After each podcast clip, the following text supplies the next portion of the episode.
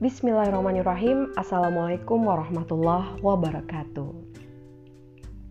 Halo sahabat di cerita, menemukan cinta dalam cerita dan ceria bersama. Mari melangitkan mimpi, bumikan hati. Burung berkicau hingar-bingar di sela hujan sekitaran nisan. Ada di yang menyapa para pendengar, semoga semua suka dan terkesan. Aduh, sampirannya horor tetapi isinya cukup manis kan?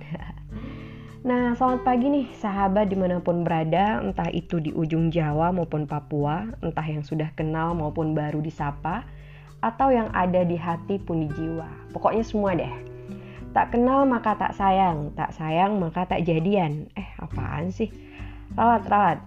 Hmm, tak kenal maka tak arufan masalah sayang atau tidak ya biarkan aja itu urusan sang pengelola rasa yang menghadiahkannya. Nah, sahabat saya di anak sulung yang gemar bercerita sejak pandai bicara, kelahiran tahun 1993. Hmm, saya lahir di kota kecil Pariaman, sebelah kota Padang, pesisir Pulau Sumatera. Pembelajar yang akhirnya berenang di lautan sastra, 2015 silam, Universitas Gajah Mada menjadi saksi saya menjadi sarjana muda. Penulis pemula yang 10 tahun terakhir bergelut di bidang literasi sehingga dinobatkan menjadi duta baca provinsi. Lahir dan tumbuh di tengah keluarga sederhana, tetapi nekat harus memiliki cita-cita tinggi hingga mengangkasa. Semoga ya. Nah, namun semoga bukan impian duniawi, melainkan surgawi. Amin, doain dong kepanjangan ya mukadimahnya. Baiklah pada hari pertama Ramadan mulia 1442 Hijriah ini, akhirnya saya memberanikan diri berbagi cerita meskipun dengan fasilitas apa adanya. Di atas kasur pojok kamar dengan jendela yang sudah terbuka dan ditemani kicauan burung serta nyanyian ayam yang sedari tadi senang betul kelihatannya pamer masih bisa terjaga. Kalah nih manusia-manusia yang milih tidur di pagi hari, kalah sama ayam loh, mau loh. Nah, hmm, alhamdulillah kota kecil saya sejak fajar menyingsing tadi sudah diguyur hujan yang menintik manis. Nah, sangat manis, semanis senyuman saya kayaknya. Mengingatkan saya pada tetesan harapan agar tak hanya alam yang tersejukkan, tetapi juga sejuk hendaknya hati setiap hamba yang terus merindu Sang Pencipta. Semoga kita bagian dari hamba itu. Nah, ngomong-ngomong tentang merindui Sang Pencipta, Sungguhankah rindu kita ada tertuju padanya? Atau di usia muda kini dengan berjuta gelora rasa, kita justru sudah ahli bermain kerinduan kepada yang belum sepatutnya? ya, ya. Gak dong ya, insya Allah pendengar saya adalah orang-orang yang teguh hati dan komitmennya dalam mematuhi rambu-rambu rasa. Apalagi ini bulan Ramadan, bulan paling istimewa Duh, belepotan ngomongnya. Bulan paling istimewa dan paling tepat untuk berhijrah lebih baik dibanding sebelumnya. Setuju nggak nih? Ya ini ya, setuju ya. Nah, pada pagi yang masih basah usai hujan, saya terniat berbagi semangat kepada sahabat sekalian dengan topik sederhana, yaitu menjadi manusia bertarget. Nah, menjadi manusia bertarget gimana gimana? Berniat mendengarkan nggak? Ini soalnya podcast pertama saya nih perdana untuk berbagi cerita kepada sahabat semua. Nah dalam satu buku favorit saya berjudul Slow Down to Speed Up ada pembahasan empat komponen keseimbangan hidup yaitu tujuan, kesehatan, pekerjaan, dan hubungan sosial. Nah sebelumnya saya sampaikan dulu nih bahwa buku ini saya beli rasanya 17 Juni 2012 masih ada nih di sampul bukunya. Saya saya kalau beli buku kayak gitu emang sering nulis tanggal berapa dibeli. Jadi suatu hari tahun-tahun selanjutnya ketika dibuka lagi, oh saya beli ini tahun ini ya gitu. Dan itu udah jadi kayak apa ya kayak kebiasaan Nah, jadi buku ini dibeli Juni 2012 silam di Sanmur UGM Jogja dan sudah dibaca belasan kali rasanya. Tahun berganti menjadi 2021 pun buku ini tetap menjadi bacaan penting untuk saya ulang. Ini mahakarya duet antara Lothar J. Seward, penulis Eropa terkemuka yang ahli dalam manajemen waktu, dan siapa nih, Dr. and Maggie Cooper, seorang konsultan manajemen waktu. Maaf ya kalau seandainya pelafalan saya kurang tepat menyebutkan nama mereka. Nah, ketika membaca empat uraian komponen tersebut, saya jadi teringat juga nih betapa benar kata Allah dalam Al-Quran pada surah 103 kalau nggak salah ya uh, wal ars itu surah keberapa ya? Surat al ars. Bahwa sesungguhnya manusia itu benar-benar merugi. Nah teman-teman tentu sudah tahu dong dengan surat tersebut. Kemudian terbesitlah sebuah perasaan dalam jiwa ini yaitu cara agar kehidupan kita nggak rugi tetapi bermakna. Gimana dong? Gimana dong caranya? Ini nih yang mau yang mau saya bahas. Uh, sekilas saja bukan untuk berceramah ya, tetapi untuk menguatkan saya juga, semoga juga menguatkan teman-teman. Nah, menjadikan hidup bermakna ini yang acap kali kita lupakan. Sebab kebanyakan orang bila diajak membahas kerugian, yang terpikir hanyalah keuntungan, ya nggak sih? Dan banyak banget orang-orang mengukur keuntungan itu hanya dari sisi materi, terlebih duniawi. Padahal ada yang lebih besar dari itu, yaitu berhasil menemukan makna. Ini loh, makna ini yang paling susah nyarinya entah makna tersurat dalam kitab suci, hadis, tafsir, atau tulisan tulisan ulama terdahulu maupun makna tersirat yang ingin Allah sampaikan pada kita lewat pesan-pesan rahasia asik. Entah itu bisa kita peroleh dari alam, makhluk hidup lainnya, bacaan, perasaan, rasa bahagia, sakit, kecewa, dan lainnya. Di sini nih kita akan diuji Sepeka apakah kita sebagai manusia yang dititipkan akal buat berpikir dan hati untuk merasa? Hmm, kembali ke isi buku. Hmm, kembali ke isi buku. Waduh, mengganggu sekali notif pesan masuk ya. Nggak apa-apa ya. Kita lanjut dulu. Kembali ke isi buku. Saya temukan satu kutipan di dalam buku ini. Orang-orang hebat mempunyai mimpi-mimpi hebat kata Nikolaus. Nikolaus B.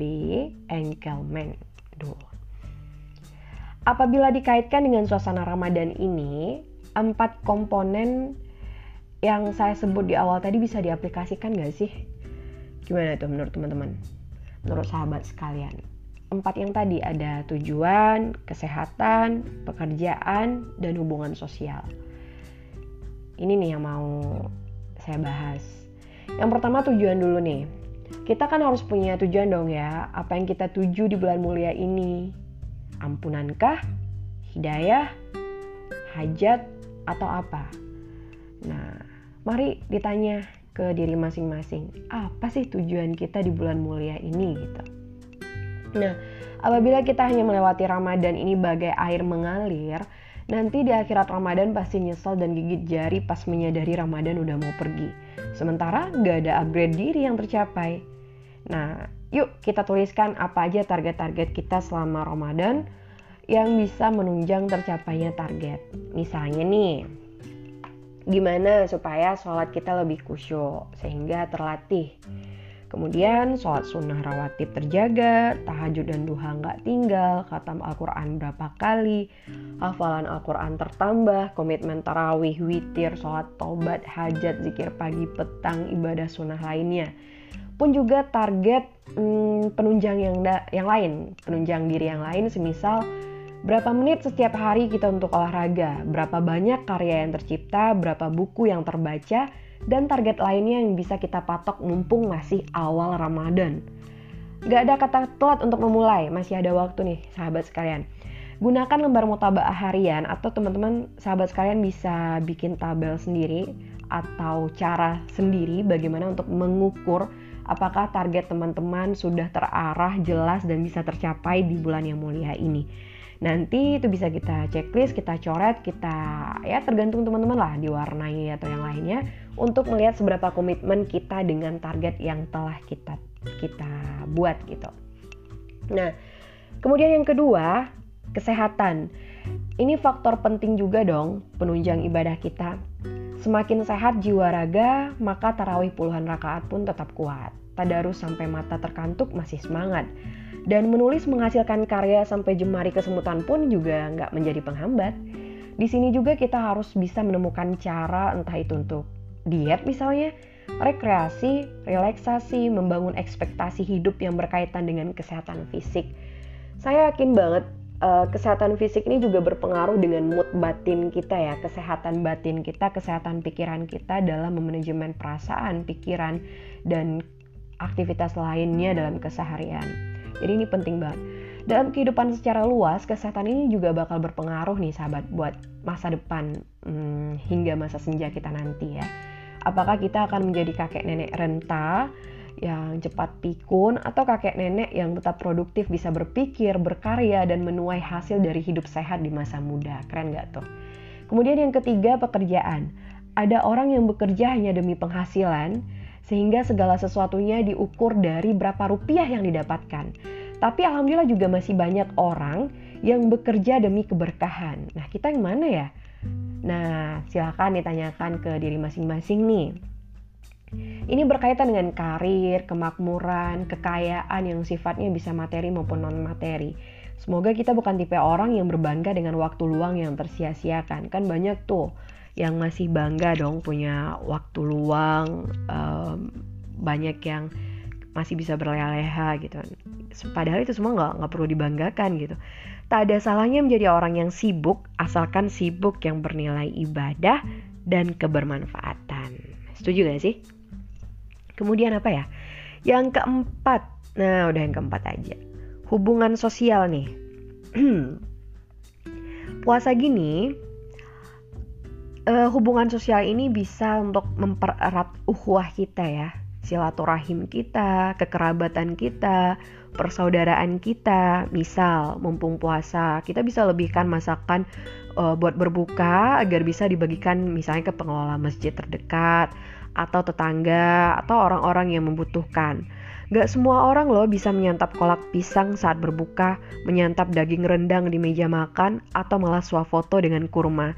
Ada orang yang bahkan Ramadan atau tidak, nah ini nih, Ramadan atau tidak, seolah dia tetap menjadi manusia yang terus berpuasa. Nah miris, kalau sekiranya ada di sekitar kita orang-orang yang masih kesulitan untuk makan tetapi kita malah uh, pamer hidangan berbuka gitu. Nah, di sini nih peran kita menjadi makhluk sosial yang lebih peka. Jangan-jangan di balik nikmatnya hidangan yang kita santap, ada yang sedang menenangkan anak-anaknya menangis karena kelaparan. Jangan-jangan pada saat kita sibuk kebingungan memilih nanti berbuka puasa dengan apa, justru di dekat kita ada yang bingung nanti bisa makan nggak ya. Nah, gitu teman-teman. Jadi dari empat komponen itu bisa kita lekatkan dan kita kaitkan dengan suasana Ramadan tahun ini uh, bahwa kita sebagai manusia perlu keseimbangan hidup. Nah, keseimbangan itu bisa di antaranya diatur dari empat empat komponen tadi. Uh, kemudian apa ya?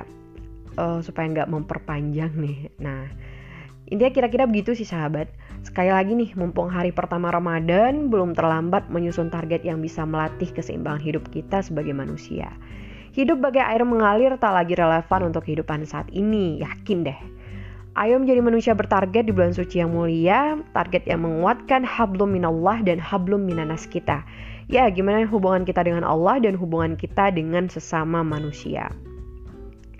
Orang-orang luar biasa tentu nggak akan sudi dong bila Ramadannya biasa-biasa aja untuk Ramadan tahun ini kita harapkan, kita perjuangkan, kita ikhtiarkan semoga lebih baik daripada Ramadan-Ramadan sebelumnya. Karena barangkali ini Ramadan terakhir kita dan barangkali inilah momen kita untuk bisa menjemput ampunan rahmat dan hidayah dari Allah sebelum ajal menjemput tentunya. Nah, jangan lupa buat target yang terukur sesuai kondisi dan kemampuan diri. Tak apa sedikit, asal komitmen dari awal sampai akhir Ramadan daripada banyak tetapi bolong-bolong dijalankan. Gitu, teman-teman.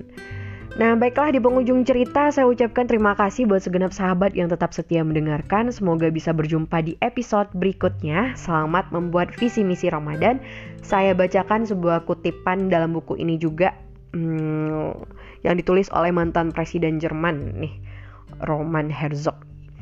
Uh, saya memilih kalimat ini karena menurut saya bermakna aja gitu. Sebuah visi adalah strategi mengambil langkah dan itu membedakannya dengan ideal yang utopia.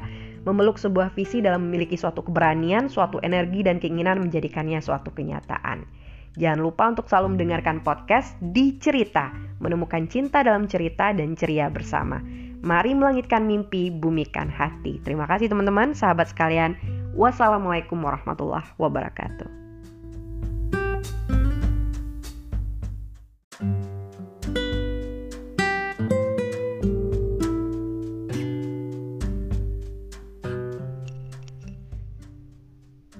Bismillahirrahmanirrahim Assalamualaikum warahmatullahi wabarakatuh Kembali lagi bersama saya dalam Di Cerita Menemukan cinta dalam cerita dan ceria bersama. Mari melangitkan mimpi, bumikan hati. Selamat pagi, siang, sore, petang, maupun malam buat sahabat di mana pun berada. Terima kasih masih sudi mendengarkan suara saya. Dalam segmen Ramadan kali ini, ini adalah Ramadan yang kedua. Semoga sahabat semua dalam keadaan sehat, semangat, ceria, dan selalu yakin bahwa semesta selalu berpihak kepada jiwa-jiwa yang optimis dalam melakukan aktivitas setiap harinya. Tentu akan berbeda hari-hari orang-orang yang optimis dengan orang-orang yang pesimis. Semoga kita adalah pemilik jiwa-jiwa yang selalu yakin bahwa Allah akan selalu menuntun langkah kita ke jalan yang lurus asalkan kita selalu berikhtiar untuk selalu menujunya, menujunya, dan hanya menujunya. Apalagi di bulan Ramadan yang mulia. Ini sudah hari kedua di mana rasa kesabaran kita terus ditempa, rasa keyakinan kita terus diuji terhadapnya, apakah kita semakin hari akan semakin bisa menemukan mahabbah terhadapnya, ataukah justru justru Ramadan ini menjadi kita, menjadikan kita seolah terombang-ambing dalam masa pencarian jati diri. Duh, saya ngomong apa sih? nah, kira-kira begitu sahabat sekalian yang saya rasa usia kita 11-12 lah ya. Jadi saya menganggap pendengar sekalian adalah generasi muda yang masih bergelora semangatnya untuk menemukan perubahan-perubahan yang luar biasa dan sedang mencari mana nih celah-celah dalam diri ini yang terus bisa ditingkat, ditingkatkan menjadi potensi dan mana hal-hal yang bisa dikurangi untuk menutupi kelemahan dan kekurangan diri. Sahabat sekalian, pada hari ini saya akan membahas topik yang ringan tetapi sangat istimewa.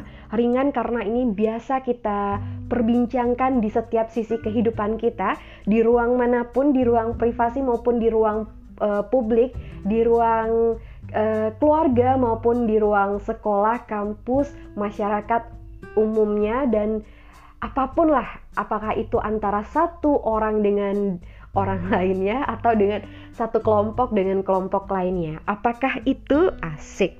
Inilah dia topik tentang cinta. Sahabat sekalian, sebelum saya akan menguraikan, membahas, curhat, bercerita tentang cinta versi saya, saya akan membacakan dua bait uh, syair manis yang pernah ditulis oleh Kahlil Gibran dalam bukunya berjudul Romantika. Nah, itu jadi ini sebuah karya yang penuh makna dan kedalaman cinta. Siapa yang tidak kenal dengan Kahlil Gibran? Kahlil Gibran ya, yang lahir tahun 1883, wafat tahun 1931 ya kalau nggak salah dan saya sebagai manusia yang lahir pada tahun 1993 pun yang saat ini hidup di tahun 2021 pun masih mengenal siapa itu Khalil Gibran dan karya-karyanya masih saja diperbincangkan. Ya, beliau adalah penulis Lebanon, Amerika. Kepiawaiannya dalam menulis membuatnya dijuluki The Bond of the Pen. Gibran membawa aliran romantik yang menekankan karyanya pada imajinasi, emosi, serta kekuatan alam. Nah, karya-karya yang ditulisnya penuh dengan kedalaman makna, keindahan bahasa, dan bahkan renungan filosofis yang tak lekang sepanjang zaman. Percaya tidak percaya, Khalil Gibran karya-karyanya masih ditemukan di berbagai toko buku besar di berbagai belahan negara termasuk Indonesia.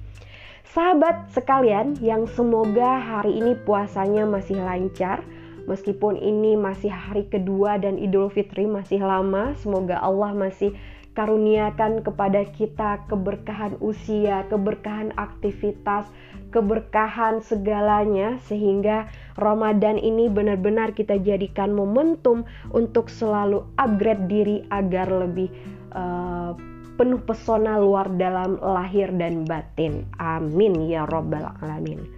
Apa kutipan yang ingin saya bacakan yang ditulis oleh Khalil Gibran? Nah, ini dia. Apabila umat manusia memimpin iring-iringan cinta menuju pelaminan dengan tanpa kepercayaan, maka cinta akan turun dalam kebekuan. Cinta menjadi burung yang cantik, tangkapan yang memohon tetapi menolak luka. Cinta ketika dicari-cari adalah sebuah penyakit di antara daging dan tulang, dan hanya ketika kemudahan berlalu, maka rasa sakit membawa kekayaan dan pengetahuan yang penuh duka. Apa ya maksudnya ya? Apa ya? Ada juga nih, cinta adalah satu-satunya bunga yang tumbuh dan mekar tanpa bantuan musim Cinta melewati kita, merampok dengan kelembutannya, tetapi kita melarikan diri darinya dalam ketakutan, atau bersembunyi di dalam kegelapan, atau mengejarnya, melakukan kejahatan atas namanya. Nah, dalam sih maknanya dan tidak bisa dibahas dalam waktu 10 atau 15 menit saja. Karena berbicara tentang cinta tidak hanya berbicara tentang bagaimana Hawa yang menggoda Adam hingga akhirnya diturunkan ke dunia, bukan ya. Tetapi cinta lebih luas daripada itu. Dan bahkan kita sebagai manusia biasa tidak pernah lepas dari yang istilah cinta. Dan cinta yang akan saya bahas pada sesi kali ini bukanlah cinta yang membuat kita terlena pada kesemuan dunia. Cinta yang saya bahas adalah bagaimana kita bisa menemukan makna untuk lebih mengenal bagaimana cinta dikelola agar kita lebih mendekat kepada Sang Maha Cinta. Sahabat sekalian tentu pernah jatuh cinta, jujur saja deh. Jujur, ayo jujur dong. Jatuh cinta ini beragam ya. Ada orang yang bisa jatuh cinta uh, pada pertemuan pertama, pertemuan kedua, atau bahkan tanpa pertemuan. Ada orang yang jatuh cinta hanya satu detik, satu menit, butuh satu jam, satu hari, satu bulan, satu tahun, satu apalah seterusnya ya. Dan cinta selalu menjadi misteri karena KBBI pun tidak bisa disebut sebagai patokan definisi cinta, ya. Karena setiap orang berhak mendefinisikan cinta, mengartikan cinta sesuai dengan apa yang ia rasa, yang ia uh, tebak yang ia idam-idamkan dan secara luas cinta bukan hanya berkaitan tentang antara kaum laki-laki dengan kaum perempuan atau sepasang manusia. Tidak melulu tentang itu karena cinta sangat luas ya. Membahas tentang cinta tidak tidak bisa hanya cukup dalam satu episode dan saya juga tidak uh, tidak yakin um, bahwa ratusan episode pun akan mampu membahas tentang satu tema yang sangat fenomena ini karena tidak akan habis ya, tidak akan habis untuk terus dibahas.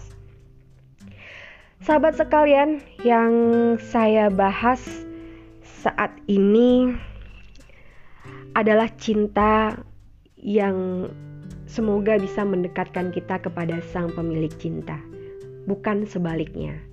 Karena di dunia ini ada dua kategori cinta ya. Kalau secara garis besarnya menurut saya, padahal saya bukan pakar cinta. Nah, yang pertama itu adalah cinta yang tumbuh, yang subur, yang bermekaran dan itu dapat membuat kita lebih dekat dengan Allah Subhanahu wa taala.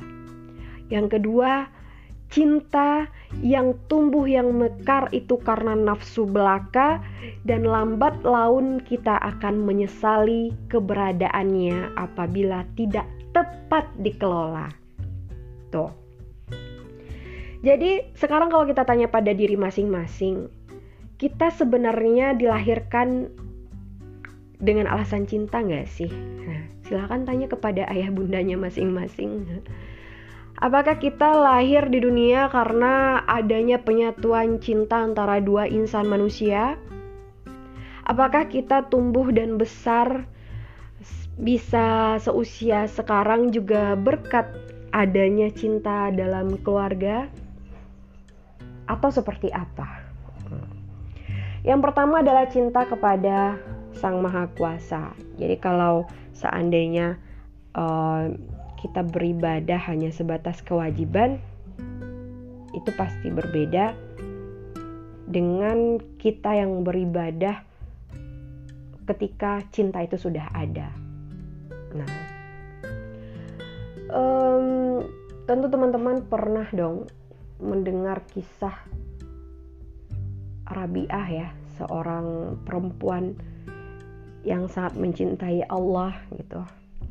Bahkan takut rasa cintanya ini uh, terduakan gitu, terbagikan dengan cintanya kepada manusia. Sebegitunya loh orang berusaha menjaga kesucian cintanya kepada Allah gitu. Nah, cuman di sini saya tidak akan berpanjang-panjang dalam pembahasan cinta kita introspeksi diri saja, apakah cinta yang kita miliki dalam hati saat ini kepada seseorang, kepada uh, sesuatu makhluk atau suatu benda, kan kita nggak tahu ya ada orang yang cinta kepada manusia atau cinta kepada suatu benda terlalu fanatik kan kita nggak tahu ya. Pada dasarnya kita tanyakan diri kita sendiri apakah rasa itu semakin mendekatkan kita kepada Allah, semakin membuat kita uh, lebih meningkatkan kualitas keimanan dan ketakwaan kita kepada Allah atau sebaliknya. Kalau semakin membuat kita dekat kepada Allah, alhamdulillah, mari kita jaga cinta itu. Tetapi apabila cinta itu justru menjauhkan kita dari Allah, berarti kita secara tidak langsung sedang terjebak dalam tipu daya fata morgana dunia. Serem gak sih? Ketika kita merasa mencintai sesuatu dan sudah tergila-gila olehnya, tetapi ternyata itu hanya membuat kita lupa zikir, kita lalai beribadah, ingatan kita terbagi, apalagi di bulan suci ini kita tidak kusyuk lagi dalam berzikir, membaca Al-Quran, terlebih dalam sholat, tentu ibadah menjadi ternodai. Nah, um, kalau diingat-ingat ya setiap kita punya masa muda. Ada orang yang bersyukur dengan masa mudanya, ada orang yang menyesali masa mudanya. Saya termasuk orang yang menyesali masa muda karena uh, dalam masa muda pernah juga yang terjebak kayak cinta monyet, cinta dinosaurus, cinta kambing, cinta sapi. Enggak ya, tapi alhamdulillah uh, saya selalu diberikan nasihat ya dalam keluarga bahwa um, laki-laki kalau dia berbuat kesalahan itu dunia masih bisa maafkannya. Tapi kalau perempuan sampai berbuat kesalahan itu dunia itu bakal bakal selalu mengenang kesalahannya. Jadi buat teman-teman nih buat sahabat sekalian yang perempuan harus lebih berhati-hati ya. Jangan sampai menjadi budak cinta nafsu cinta atau hal-hal yang menjadikan sahabat sekalian buta karena cinta. Bagi saya, cinta sejati itu menguatkan, bukan melemahkan, termasuk menguatkan keimanan kita kepada Allah, bukan melemahkan. Cinta sejati itu membuat kita lebih percaya adanya uh, sesuatu yang akan kita pertanggungjawabkan kelak. Nah, gitu. Um, kita bisa merenung, kita bisa menangis, kita bahkan bisa gila, bisa tidak terkendali karena kemunculan cinta. Namun, peran iman, peran Islam, peran tuntunan-tuntunan Allah dalam syariat itu bisa menjadi pengelola kita, membantu kita dalam mengelola bagaimana sebuah rasa harus diluapkan. Jadi buat dedek-dedek emes ya, buat dedek-dedek yang lagi bergelora di masa mudanya, uh, jangan terjebak dengan kata-kata aku mencintaimu karena Allah gitu yang kalau aku mencintaimu karena Allah diucapkan kepada orang tua, kepada mahram kita, kepada sahabat lillah kita, it's okay, itu nggak masalah, itu bagus gitu. Uh, namun apabila pernyataan aku mencintaimu karena Allah disampaikan kepada seseorang yang belum halal, yang belum sah untuk kita, itu sama saja kita menipu ya, membungkus sesuatu yang buruk. Hmm. Ibarat membungkus tai ayam dengan kertas kado warna-warni yang wangi ya percuma aja sih nah gitu jadi jangan sampai jangan sampai kita kebablasan dalam uh, menikmati rasa cinta yang bergelora. Nah bagaimana ciri-ciri seseorang yang sedang jatuh cinta karena Allah? Itu kalau bisa lebih ditingkatkan ibadahnya kan ada uhwah lillah ya uhwah lillah. Saya bersaudara denganmu karena Allah dipertemukan karena Allah. Nah itu bisa kita ukur.